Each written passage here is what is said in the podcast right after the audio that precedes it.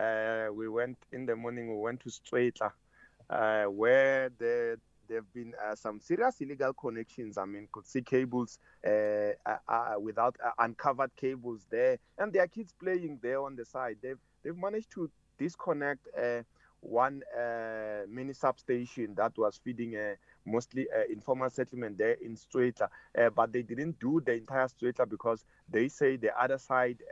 The, the illegal connectors or Izinyoka, they are taking from uh, City Power. So they were supposed to do a joint operation, but unfortunately, City Power is not part of it. Uh, but ESCOM has managed to cut. And now, Sakina, immediately after they finished, uh, residents started protesting and burning tires there and then closing, barricading the roads with rocks as well. But uh, uh, they have taken all the cables and all that. And we spoke to uh, one of the uh, uh, uh, senior engineers at ESCOM in Gauteng.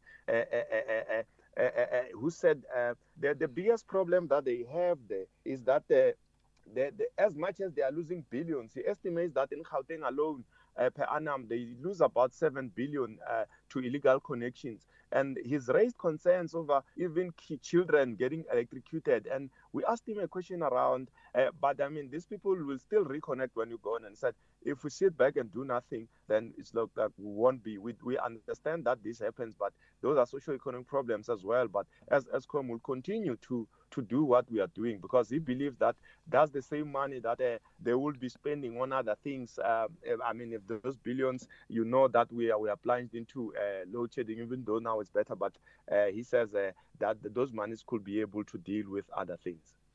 Horisani, I would imagine that uh, this was a surprise visit by ESCOM. Please correct me if I'm wrong.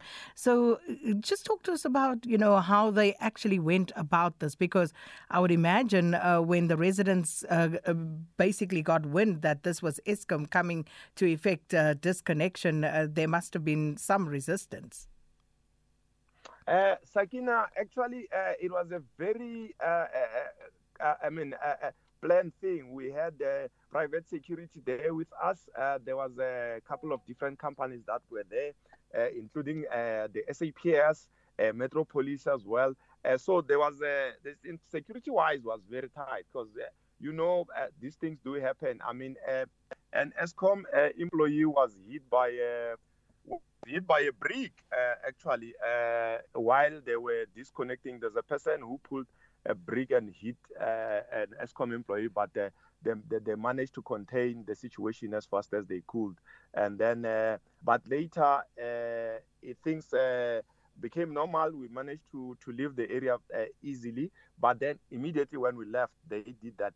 in the second operation, what we found was that where when we went to the second one, we found that actually one of the business owners. So what happened there, Sakina, is that uh, they are in Alexander. You remember that there are too many uh, uh, industries that used to be there too.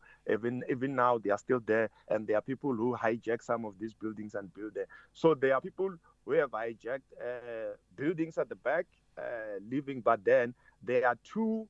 Uh, operating uh, firms there. One is a plastic bottle making firm where he the owner came out when he saw us and begged ESCOM not to disconnect, uh, saying that uh, they actually uh, those residents there they have threatened to burn down his, his his factory as soon as ESCOM leaves. So because the substation is it's inside his factory there, and they say if then you call ESCOM on us, they come here, or whatever happens to us when we we are disconnected, we are going to burn your factory down.